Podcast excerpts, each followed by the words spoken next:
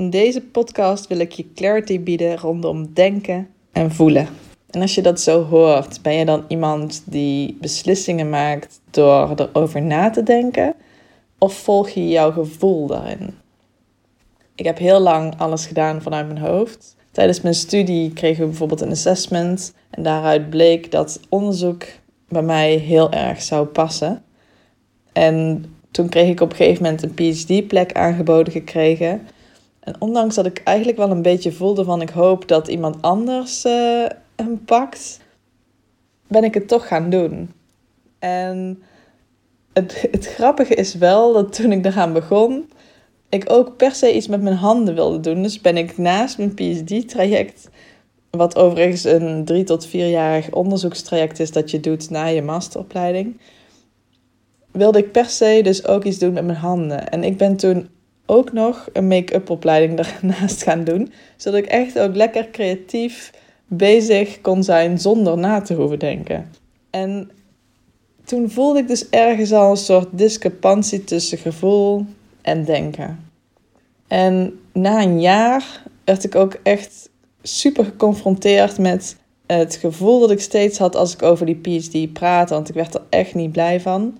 En ik wilde heel graag stoppen, maar ja, je hebt dat commitment afgelegd, dus dat doe ik ook weer niet zo heel erg makkelijk. En daar heb ik best wel een hele tijd gewoon echt goed over nagedacht. En op een gegeven moment dacht ik, ja, ik voel me zo naar. Dat kan gewoon echt niet de bedoeling zijn van werk. Dat je je zo vervelend voelt. Dus heb ik echt de knoop doorgehakt om te stoppen. En het bijzondere is, het moment dat ik dat deed, voelde ik me daarna echt gelijk zoveel beter. Gewoon echt lichter, vrolijker. Ik huppelde bijna naar gebouw uit, zeg maar. En dat is eigenlijk voor mij een teken geweest dat ik veel meer op mijn gevoel mag vertrouwen. En dat probeer ik sindsdien ook steeds meer te doen. Na mijn PhD ben ik gerold in kwalitatief marktonderzoek. Leek me ook weer een logische stap. En toen ik die baan opzij, toen zei een van mijn collega's: Je bent voor mij echt zo'n inspiratiebron om ook mijn hart te gaan volgen. En dat was voor mij echt het grootste compliment dat ze op dat moment aan mij kon geven. Want ja, ik wilde steeds meer mijn gevoel gaan volgen. En vanuit daar ben ik dus ook voor mezelf begonnen. Dus echt gewoon mijn hart gaan volgen. En ik probeer nu ook in mijn bedrijf vanuit intuïtie en gevoel de richting steeds uit te zetten die ik op wil. En dat brengt voor mij echt zoveel magie. Hetzelfde geldt voor mij ook voor creativiteit. Want uh, als je denkt aan creativiteit, hebben mensen het altijd over out of the box denken. Ik houd eigenlijk gewoon helemaal niet zo van die uitdrukking. Laten we eens een oefeningetje doen. Ga zelf eens terug in je gedachten naar de basisschool. En je had net aardrijkskundeles gehad van die superleuke juf of meester. En die juf die zegt tegen jou: Nou, ik heb nu een vraag voor jou. En ik wil graag dat je een fout antwoord geeft op die vraag. Je hoeft het niet hardop te zeggen, dus je staat niet voor lul, maar bedenk gewoon in je hoofd een fout antwoord op deze vraag. Oké? Nou, de eerste vraag is: wat is de hoofdstad van Frankrijk? In je hoofd even een fout antwoord bedenken. Tweede vraag: hoeveel is 1 plus 1? Fout antwoord bedenken.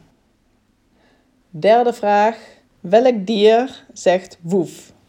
Nou is het super grappig, want ondanks dat jij allemaal fout antwoorden hebt bedacht, denk ik dat ik een redelijke inschatting kan maken welke antwoorden dat jij hebt gegeven.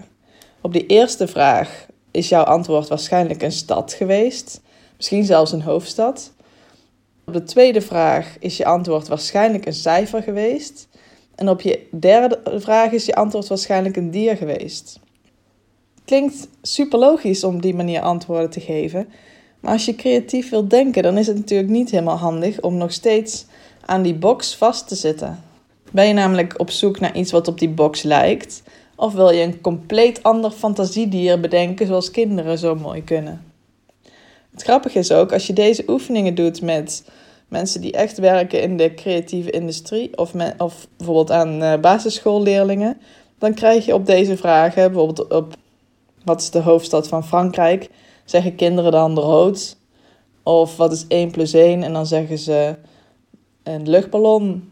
En op wat, welk dier zegt woef, zeggen ze 2. Dus die zitten nog helemaal niet vast aan die structuren en kaders waarin wij in hebben leren denken.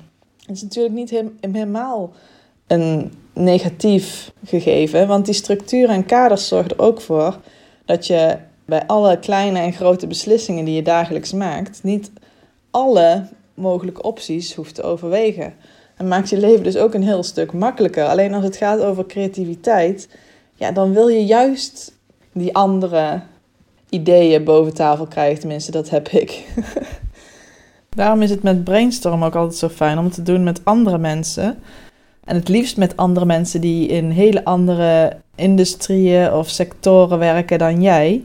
Omdat die weer in andere kaders denken. En op die manier kun je elkaar dus op een hele leuke manier aanvullen. En kom je waarschijnlijk tot hele andere ideeën, vele creatiever ideeën dan dat je in je eentje had gevonden. Niet omdat anderen creatiever zijn dan jij, maar omdat het je helpt om helder te krijgen wat voor jou die box is, zodat je gewoon zonder die box verder kunt denken. Zo was ik bij een workshop bij een groot bedrijf deze week. En die, uh, daar mocht ik uh, de, hun brainstorm sessie vastleggen in tekeningen, wat superleuk was natuurlijk. En daar zei de manager, die zei, ja, van mijn medewerkers wil ik eigenlijk altijd het meest gekke idee horen. Want zelfs als is het gewoon echt een te stom idee voor woorden, hoe gekker het idee, hoe makkelijker het is om ook weer nieuwe ideeën te genereren die gewoon helemaal losstaan van wat we nu doen, wat misschien wel echt een miljoenen idee zou kunnen zijn.